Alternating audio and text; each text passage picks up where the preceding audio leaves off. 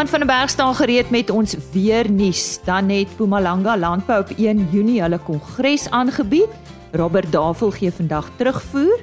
Chris Derksen vertel ons wat hierdie week met vleispryse daar in die Noord-Vrystaat gebeur het. En Belnori Boutique kaasmakery van Babsfontein het weer eens vanjaar tydens die Suid-Afrikaanse Souwel Kampioenskappe presteer. Rina Belcher kuier in die ateljee om ons meer daarvan te vertel en ook watter benadering sy volg. Goeiemôre, my naam is Lise Roberts en dit is tyd vir RSG Landbou. Op die lyn Johan van der Berg soos altyd op 'n donderdagoggend en uh, ons gesels weer sake Johan. Ek dink ons moet daar in die Weskaap begin. Hulle het goeie en baie reën gehad. Goeiemôre. Goeiemôre Lise. Ja, ek is regtig waar bly vir hulle. Ehm um, ons sien dat uh, daar in, in die laaste paar weke nadat die eerste deel van Mei so bietjie droog was, het ons nou redelik baie reën gekry en uh, ons is baie bly daaroor. Uh dit is so bietjie in teenstelling met die langer termyn voorspellings wat ons gedink het Junie eh, gaan gaan droër wees, maar dit uh dit lyk daarom of dit na die ander kant toe beter uitgedraai het. As ons net dit in perspektief stel, 'n plek soos Mamasbury het van die begin van Januarie af tot hier einde Mei uh amper al hier by 180 200 mm reën gehad wat al amper dubbel kom ons sê so 60% bo gemiddeld is uh vir hierdie eerste 6 maande. So baie goeie ondervrog uh, ondergrondse vog en dit lyk ook asof uh, uh dit goed gaan die, die aanplantings goed en die vestiging goed. Kyk ons gou gou na die Wes-Kaapse reën vir die volgende tyd, dan lyk dit ook asof daar omtrent elke tweede dag nog reën is vir die volgende 2 weke. Uh redelik veral meer na die suidwestelike gedeeltes, dis die Swartland en die Wynlande se kant toe, so dit lyk of daar nog reën is uh vir die Wes-Kaap. Kyk ons na die somerreënvalgebied, uh baie minder reën wat verwag word vir ten minste die volgende 2 weke.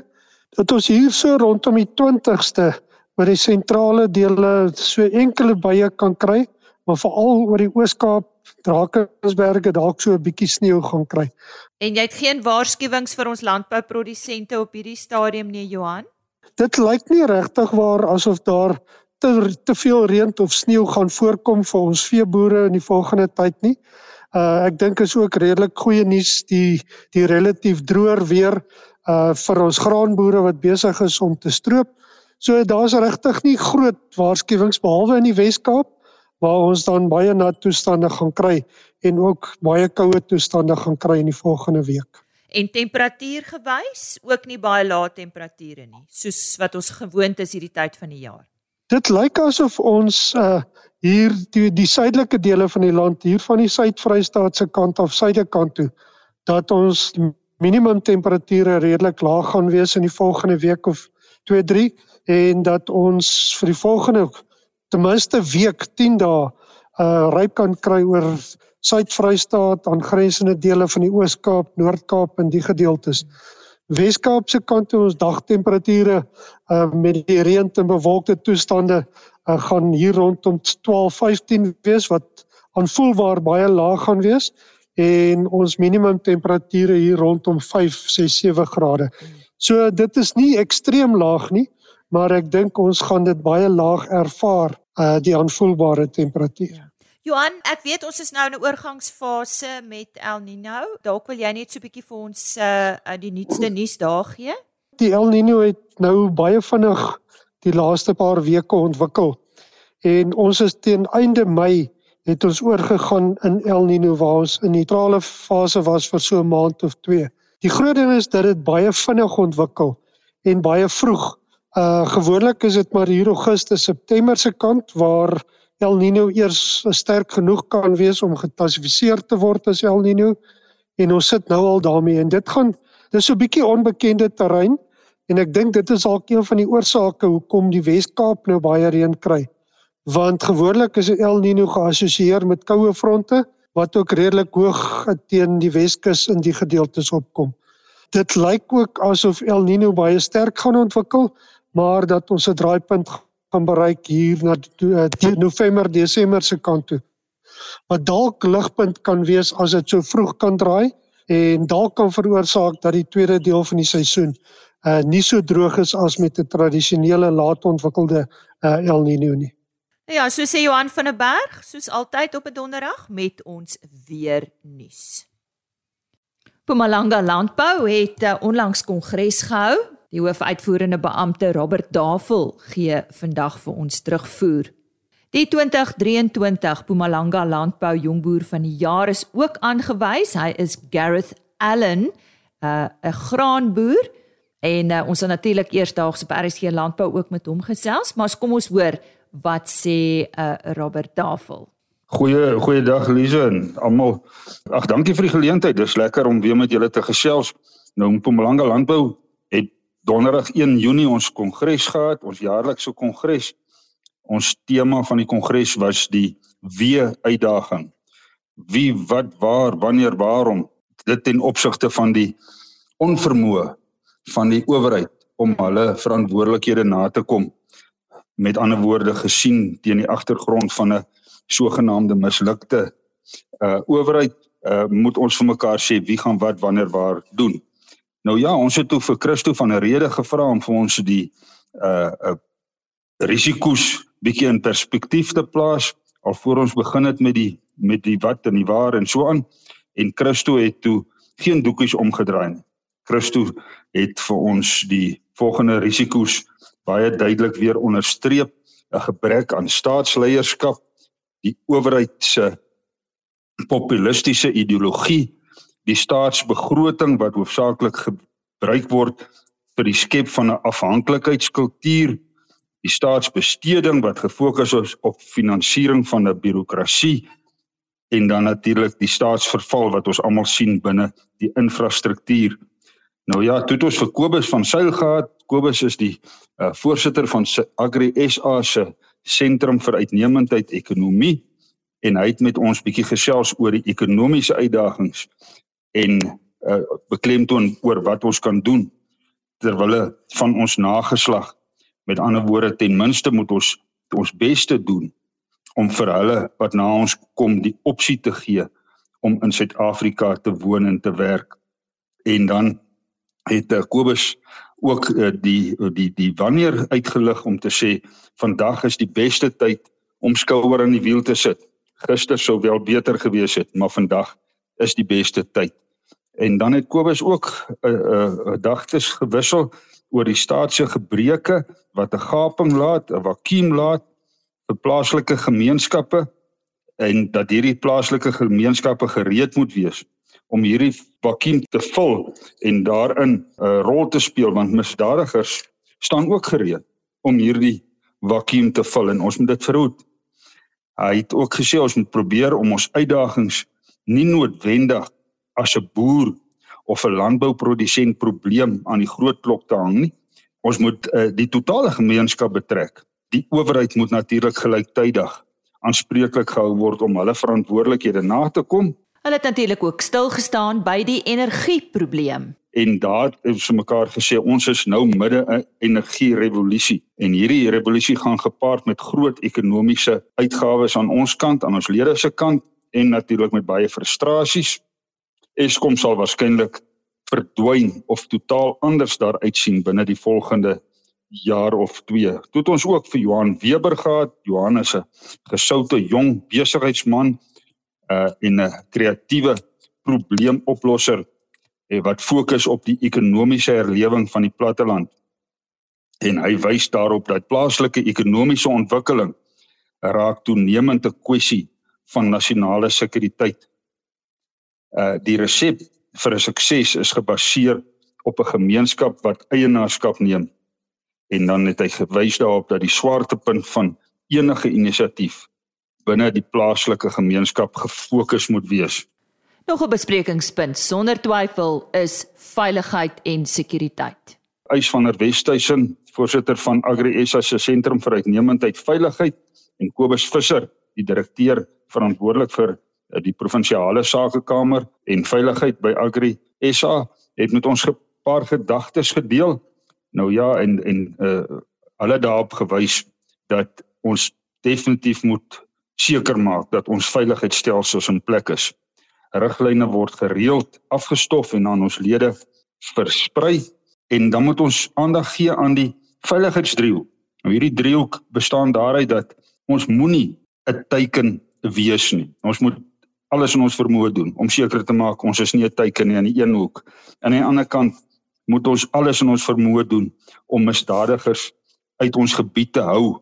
Ons moet dit vir misdadigers met ander woorde moeilik maak om in daardie gebied besigheid te doen en dan die laaste hoek sorg dat ons 'n aanwesige bevoegde beskermer het of dan self daardie beskermer is en uh, ons het vir mekaar gesê in die kongres daar is hoop.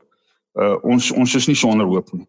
Uh die owerheid kan dit wel vir ons almal baie makliker maak sodra hulle hulle verantwoordelikheid opneem en 'n politieke wil openbaar En Kobus het ook verwys na die rol wat Agri Securitas oor die afgelope paar jaar al gespeel het in die beveiliging van die plattelandse gemeenskappe en uh daardie rol van Agri Securitas kan ons nooit miskyk nie. Laastens het Lennox Plaatjies van SA Pulse die Pulse raamwerk verduidelik as 'n werkbare en volhoubare alternatief tot die staat se mislukte pogings ten opsigte van grondhervorming. Hierdie Pals raamwerk is gebou op die private sektor se inisiatief, behoorlike besigheidsplan, hoe om geleenthede te deel, gesonde besigheidsbeginsels, opleiding en deurlopende mentorskap. Die uh, uitreë-strategie word ook sommer vandag een af ingebou en ondersteunende omgewing. En wat was die antwoord? Waarmee is elke lid van die kongres daar weg? Die antwoord op uh, die uitdaging van wie wat waar wanneer moet doen lê binne ons vermoë om op plaaslike vlak die net so wyd moontlik te gaan span om verhoudinge van welwillendheid te bou sodat ons uh, nie hierdie uh, uitdaging alleenig hoef te trotseer nie. So gesels Robert Tafel, hoofuitvoerende beampte van Mpumalanga Landbou. Chris Derksen volgende aan die beurt met vleispryse. Die pryse is behaal by veilinge in die Noord-Vrystaat. Môre Chris. Goeiemôre Lisa, goeiemôre al ons medeboere. Gee vandag vir julle die vleisverslag van Woensdag die 7de Junie. Die volgende is interessant. Speenkalfgetalle begin stadig aan afneem soos ons uit die speentyd uitkom. En 'n baie interessante ding is heelwat van die boere wat groot mielieoeste afgehaal het en hulle vrotbytjies uitgesif het, sit nou met die ondergraad graan en die goedkoop speenkalfprys. So heelwat van daai speenkalvers word nou op die plase gevoer tot voordeel van almal. Vetkoeie se getalle begin ook afneem soos die winter begin byt. Maar is nie lekker om hierdie lae pryse aan te stuur nie, maar wat kan ek maak? Speenkalvers onder 200 kg het gegaan vir R31.22 per kilogram. Van 200 tot 250 kg R29.05 en oor 250 kg R27.45. A-klasse R28.69. B-klasse was daar nie. C-klasse was die vetkoeie R23.02, so katspoegie op en markkoeie R17.95. Slagbulle is altyd baie konstant op R26.11. Vanaf die skaapmark stoorlammetjies R42.80, slaglammers R40.02, stoorskape R33.20 en vetskape R34.18. Daar was ongelukkig nie bokke beskikbaar nie. Baie dankie. Chris Derksen daar aan die woord met ons vleispryse.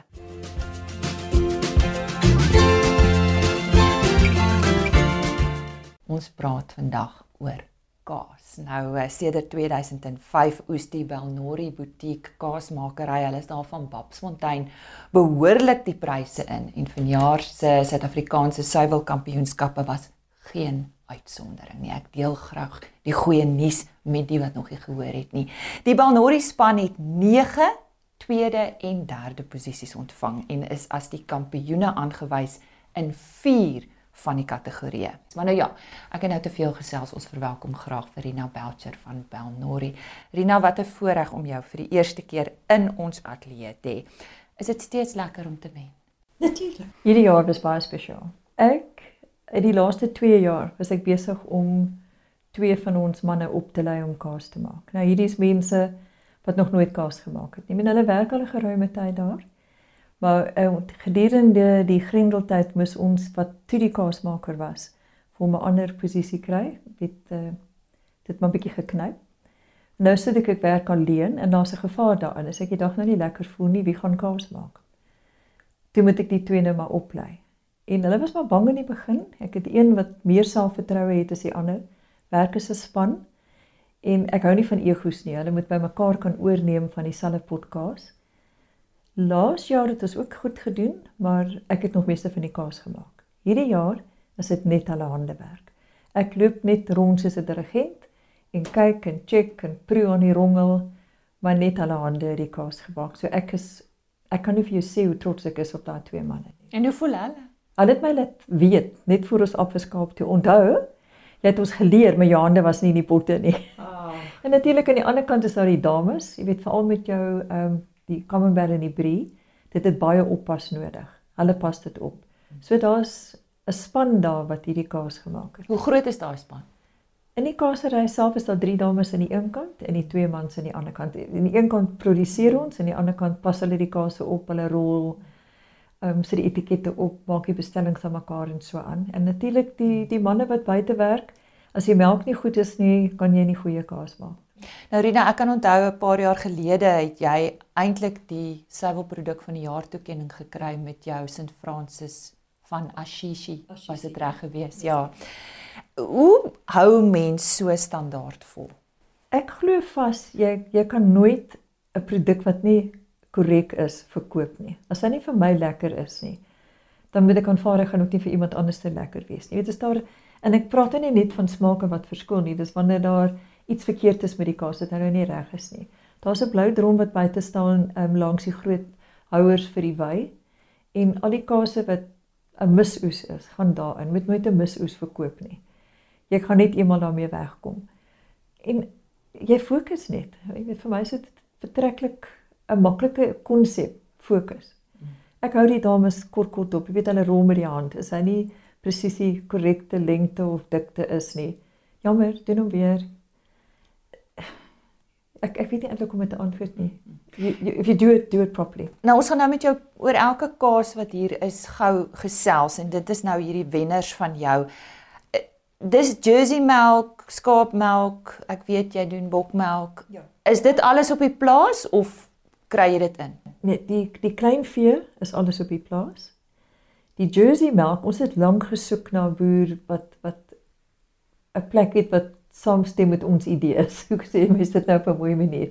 Ek dink Iver Reed van Reed Collins Sandra. Sy plaas se naam is Haystack. Klein boer, ook klein.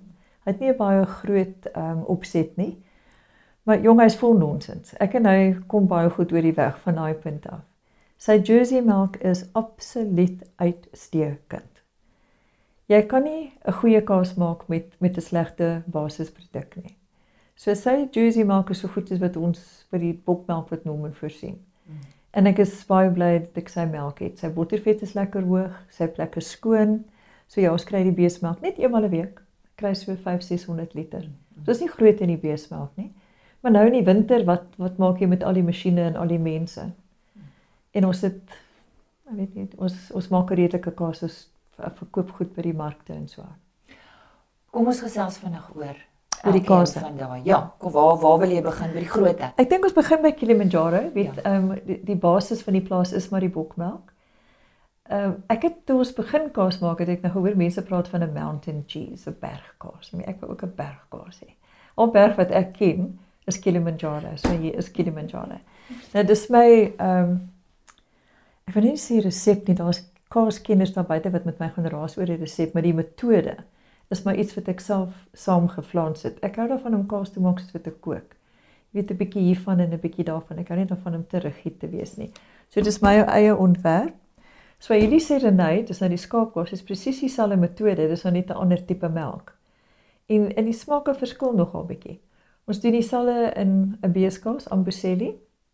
Dis nou ongelukkig nie 'n bergnaam nie, maar jy kan sien Oos-Afrika is lê maar nog al die jare in my hart. Naby jou. Ja, baie baie naby. So dis daai twee. Ek was nog altyd mal aan die sagte kaaskant vir die wit kaase. Nou ons het baie kinders. So jy weet 'n Camembert was maar altyd hier onder aan my lys gewees as ek gaan inkopies doen en dan steek ek hom in die yskas weg. So dit was my 'n groot genot toe ek vir die eerste keer 'n Camembert met bokmelk gemaak het. Ek maak nie veel meer nie want dit daar's min navraag daarna en jy mors net te veel. So ons het nou begin met die Jersey melk en hy werk lekker. Ek het hierdie jaar die kleintjie ingeskryf. Hy het net vir my so weet uit oulik gelyk. Dink ek ek gaan hierdie jaar oulik. Dis die. Snowdrop. Snowdrop. Die White Velvet het al 'n paar jaar goed gedoen. Ek dink dis die vierde keer wat al met hom wen. Verlede jaar het ons 'n kwaliteit gekry. Maar die manne het dit gemaak. Ek kan nie glo dat hulle met al twee 'n eerste prys weggeslaan het nie. En ek kry lekker. Nee, want ons speel daar in 'n groot veld toe. Ja. ja. Hoe bly jy nederig? Ek bedoel jy ek ken Verina al, ek moet daarom sê al baie jare. Ek ek probeer nou dink, ek dink maklik 13, 14 Ja, jaar wat ek al ja. vir Rina ken. En Rina is Rina en Rina bly nederig en Rina presteer altyd. Wat is dit maar wie jy is? Dis nie dis nie vir my vreeslik moeilik nie. En as jy kyk, ehm um, jy het nog gesê 2005 kan jy iets onthou. 2008 kyk mooi. Ek was net 'n strooi meisie geweest. Daar was geen eerste pryse nie. En dit gebeur baie, hoor. So daar's niks vir my om glorified te wees vir sulke goed nie. Jy doen jou bes. Dis lekker om te kompeteer. Kobus Mulder het ons in hierdie kompetisie ding ingekry. Die voordeel is die kritiek wat jy kry op die kase en dat jy kan sien waar jy inpas. En eerlikwaar, dit is lekker om te wen. Die eerste ding wat ek doen is ek daai boekie kry en ek gaan klim in my bed daai aand. Dis ek kyk na wat ek nie gewen het nie. En dan moet ek werk daaraan. So dit gaan nie met net wat jy gewen het nie, is al die goed wat jy nie gewen het nie. En jy moet beter kan doen daarin. En ek geniet wat ek doen. Ehm um, ek het nog ek dink ek is basies is ek 'n lui mens. Want ek glo daaraan jy moet dit net een keer doen. As ek 'n ding 2, 3 keer moet doen, ek is te lui daarvoor. En Rina net om jou af te sluit. Ehm um, daar's nou baie kleiner kaasmakers wat na jou luister en dink ek voel geïntimideer deur hierdie groot name. Wat sê jy vir hulle sê? Ek ek hou van 'n uitdaging. Hoekom dink jy skryf ek hierdie goed in by die klasse waar mense elke dag hierdie goed maak? Hulle maak nie net 150 per liters nie. Hulle maak duisende liters. Enige een kan dit doen. Ek moedig die mense aan. Jy moet weet hoe neel ek elke jaar dit mense inskryf vir die kompetisie. Mense wil nie 'n wedloop wen waar daar net 2 of 3 deelnemers is nie. Jy wil nie dan moet kompetisie wees. Kompetisie is goed vir die bedryf. Daar kom altyd nuwe kase uit. Dit stimuleer mense om meer kreatief te wees. So niemand is te klein nie, hoor. Niemand, niemand is te klein nie. In 2005 het ons twee kase met twee kase gewen. Ons het 13 bokke gehad. Daar's die antwoord. Dis dan 'n gesprek wat ek vroeër gehad het met Rina Belcher van Belnori Boutique Kaasmakery. Hulle is daar in die Babsfontein omgewing en hulle het weer eens by vanjaar se SA Suiwel Kampioenskappe presteer. Dis dan alweer tyd om te groet. Dankie dat jy hierdie week saam gekuier het. Ek is weer maandagooggend 25 oor 5 op my pos met uh, nog landbou nuus. 'n Groot fokus op die Suid-Afrikaanse Seibokhaar Kwekersvereniging wat ook onlangs hul algemene jaarvergadering gehou het daar op Graafreinet en dit was die 79ste algemene jaarvergadering. Medewerker Karen Venter was daar en het heelwat bydraes daar opgeneem wat ons dan volgende week sal uitsaai. RSG.co.za vir die volledige program, kykend onder potgooi vir al die vorige programme. Jy kan ook gaan kyk by agriorbit.com. Die nuutste landbou nuus is ook daar te sien en ek sluit af met 'n e-posadres rsglandbou@plaasmedia.co.za. Wens jou 'n goeie week toe, bly warm, geniet jou naweek en totsiens. RSG Landbou is 'n plaas media produksie met regisseur en aanbieder Lize Roberts en tegniese ondersteuning deur Jolandi Root.